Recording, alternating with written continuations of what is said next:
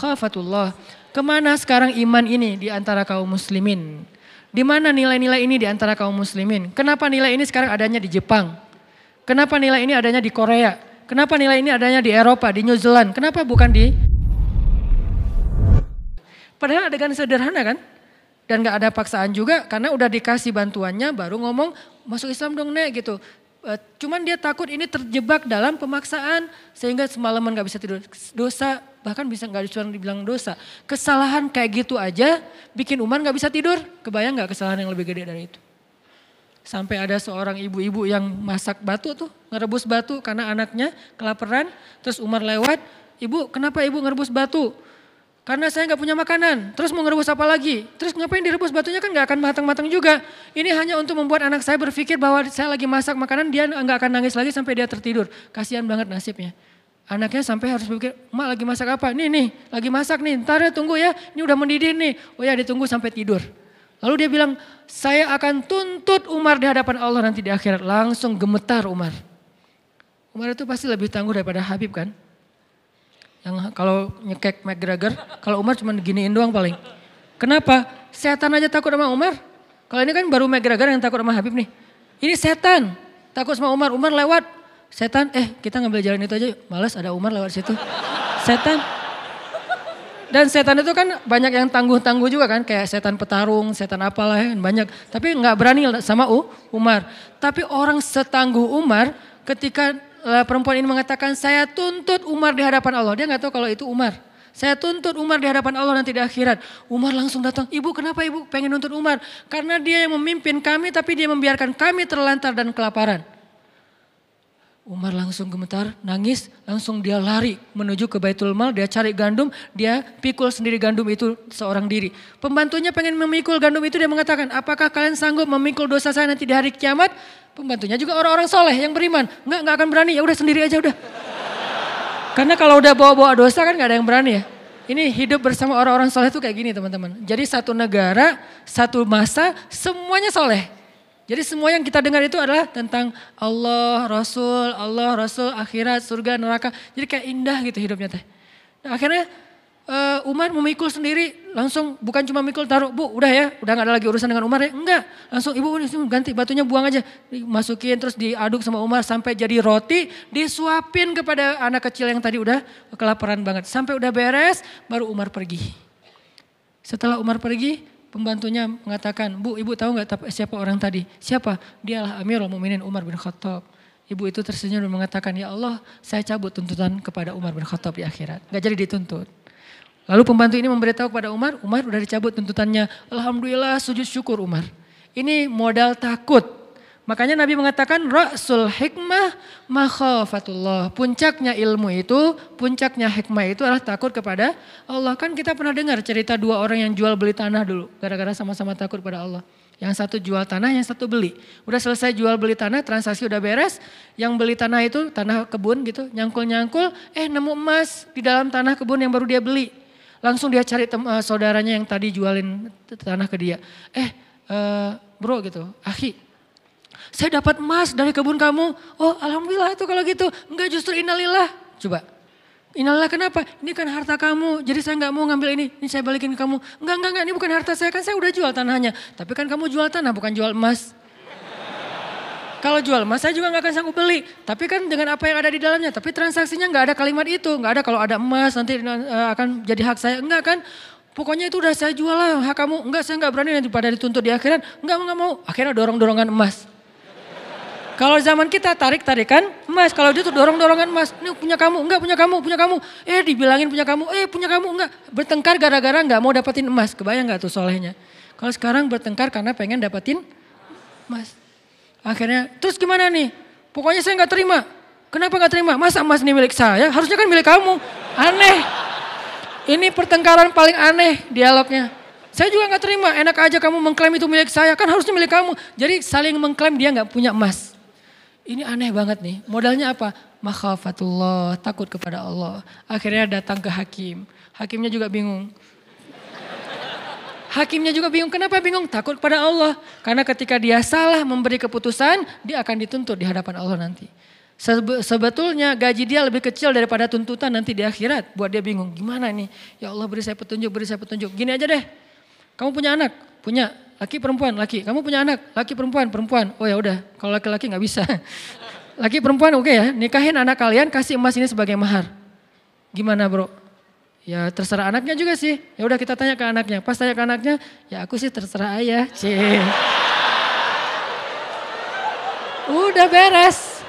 Akhirnya menikahlah putra dan putri dari dua orang ini yang bersengketa dan emas ini menjadikan modal pernikahan mereka. Masya Allah, makhafatullah. Ke mana sekarang iman ini di antara kaum muslimin? Di mana nilai-nilai ini di antara kaum muslimin? Kenapa nilai ini sekarang adanya di Jepang? Kenapa nilai ini adanya di Korea? Kenapa nilai ini adanya di Eropa, di New Zealand? Kenapa bukan di Saudi Arabia, di Mesir, di Timur Tengah, di Indonesia yang negara dengan mayoritas kaum muslimin. Ke mana semua teks-teks mulia yang luar biasa dalam Islam? Karena kita hanya menjadikannya wawasan, bukan iman. Ilmu tidak menjadi kebaikan kalau hanya sekedar wawasan di sini.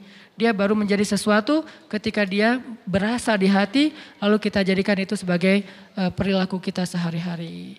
Makanya teman-teman, ini baru satu ayat ya. Ayat 14, aduh belum sempat bahas yang lain, gak apa-apa deh ya. Arti hukma wa ilma kayak gitu. Itulah gambaran tentang Musa. Jadi kebayang sekarang gimana solehnya Musa, gimana apa e, taatnya Musa, karena Allah sendiri mengatakan dia dapat hikmah. Itu gambaran hikmah dalam sisi moral, dalam sisi apa e, e, spiritual itu hikmah artinya. Sehingga ketika kita tahu arti hikmah, sekarang kita kebayang gimana solehnya Musa. Kalau kita anggap hikmah itu sekedar wawasan, kita nggak kebayang solehnya Musa itu kayak gimana. Soleh banget, hal yang paling detail aja soleh. Di zaman Ibnu Mubarak, ada seorang laki-laki minjam, kalau nggak salah Ibnu Mubarak, kalau nggak salah, beliau meminjam pulpen, pena gitu, pena dulu kan dari kayu ya. Bukan pena yang bertinta, penanya doang, nggak ada tintanya. Minjam pena dari kayu tertentu gitu, kayu yang sebetulnya murah banget. Di Irak, apa di Basra apa di Kufah gitu, saya lupa juga nama ulama nanti dicek lagi di apa di beberapa kajian. Nah, beliau minjam terus karena kayak terburu-buru gitu kebawa penanya. Kebawa sampai ke Hijaz. Hijaz itu di daerah Arab Saudi. Baru pas buka-buka e, bagasinya, buka-buka apa tasnya, oh ini kan pena yang saya pinjam beberapa hari yang lalu. Akhirnya dia balik lagi ke Irak hanya demi mengantarkan pena itu. Kenapa? Ketika ditanya oleh pemilik pena jawabannya apa? فَمَنْ يَعْمَلْ مِثْقَالَ ذَرَّةٍ خَيْرًا يَرَهُ وَمَنْ يَعْمَلْ مِثْقَالَ ذَرَّةٍ شَرًّا Ya roh, siapa yang berbuat dosa walaupun sekecil zarah, apalagi ini lebih gede daripada zarah, maka nanti akan dipertanggungjawabkan di akhirat. Khaf, takut kepada Allah Subhanahu wa taala. Makanya orang-orang yang berilmu itu takutnya kepada Allah itu luar biasa. Belum lagi nanti bentuk ketakutan mereka kepada Allah itu kalau baca Quran nangis. Wa idza tuliyat alaihim ayatul rahman وإذا تليت عليهم آيات الرحمن خروا سجدا وبكيا mereka tersungkur, mereka bersujud, mereka menangis ketika dibacakan ayat Allah. Tersungkur artinya apa? Gak kuat berdiri, itu artinya tersungkur. Kayak Umar bin Khattab. La uqsimu biyaumil qiyamah. La uqsimu bin nafsil lawamah. Ayahsabul insanu allan najma'a idhamah. Bala qadirin ala an nusawya banana. Baru berapa ayat dibaca surah Al-Qiyamah, lututnya sudah gemetar. Udah gak kuat menopang lagi tubuhnya sehingga tersungkur jatuh. Umar jatuh bukan karena kekuatan musuh tapi jatuh karena kekuatan iman. Musuh gak ada yang bisa menjatuhkan Umar. Musuh gak ada yang bisa membuat Umar terduduk. Musuh tidak ada yang bisa membuat Umar terbaring, tersungkur. Gak ada musuh yang bisa membuat Umar tersungkur. Kecuali iman yang membuat dia tersungkur dengan sendirinya. Kenapa?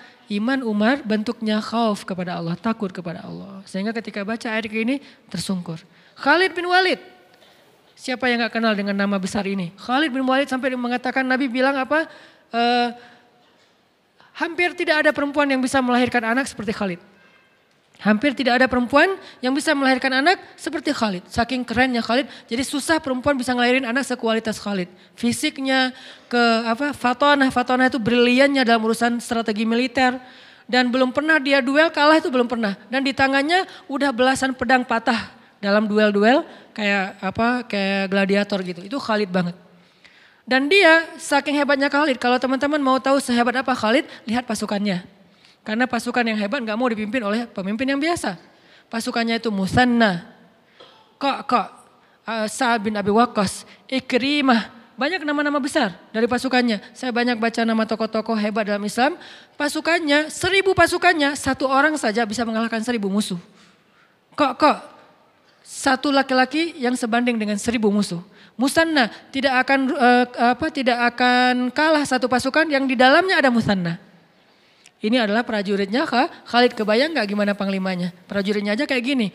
Nah Khalid yang luar biasa dahsyatnya ketika baca surat Al-Mudathir sampai tentang ayat bapaknya yaitu uh, apa Walid Al-Mughirah bapaknya kan nggak masuk Islam dan meninggal dalam keadaan kufur dan sampai Allah menegur apa menyebutkan neraka untuk uh, Walid di dalam uh, Al-Quran surah Al-Mudassir neraka uh, Sakar gitu.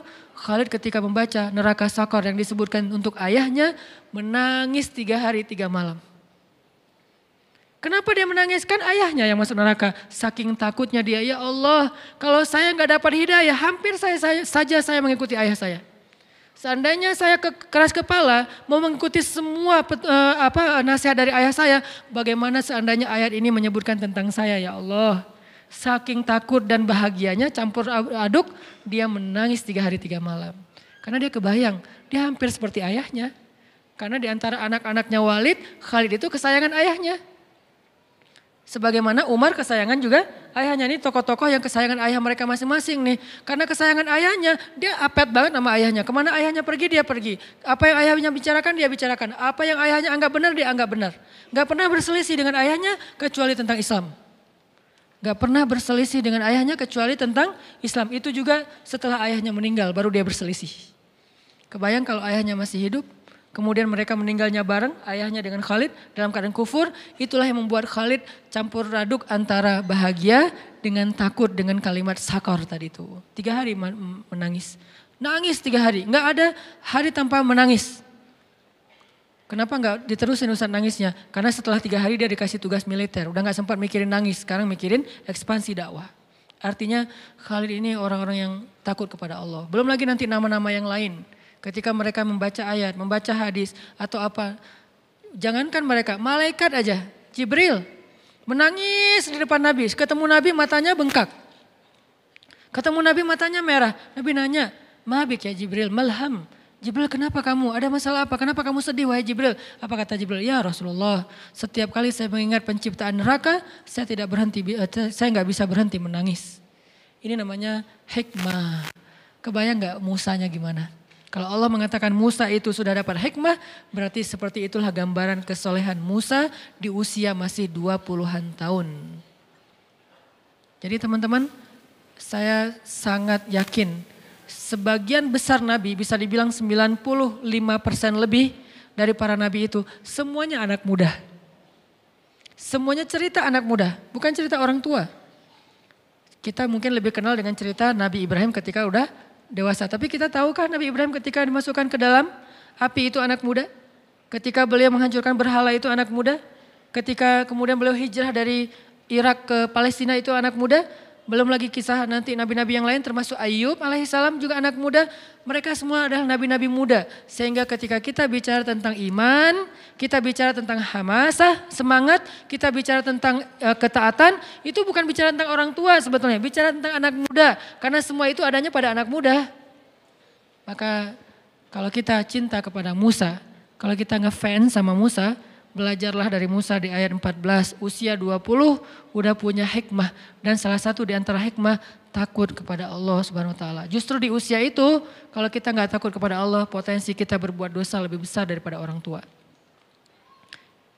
Ya, jadi mungkin malam ini ayat 14 aja dulu ya. Insya Allah eh, pada kesempatan lain kita kembangkan lagi. Namanya juga bedah. Bukan tilawah lagi, tapi tadab tadabur. Jadi nggak usah terburu-buru, tapi mudah-mudahan kita dapat banyak uh, ilmu, hikmah dari apa yang kita bahas, terutama dari sosok Nabi Musa alaihissalam, salah satu nabi yang saya ngefans berat, sehingga sering saya cerita-cerita kan, uh, selalu cerita Musa kecil, Musa dewasa, Musa remaja, karena emang buat saya sih Musa itu salah satu nabi yang paling keren lah di antara para nabi, walaupun semuanya keren-keren. Mudah-mudahan kita bisa mengamalkan apa yang kita dengar. Uh, semoga Allah SWT mengistiqomahkan hati kita di jalannya. Allahumma inna nas'alukal huda wat tuqa wal afafa wal ghina. Allahumma a'inna ala dzikrika wa syukrika wa husna ibadatik. Terima kasih buat teman-teman semuanya. Barakallah. Billahi taufiq wal hidayah. Wassalamualaikum warahmatullahi wabarakatuh.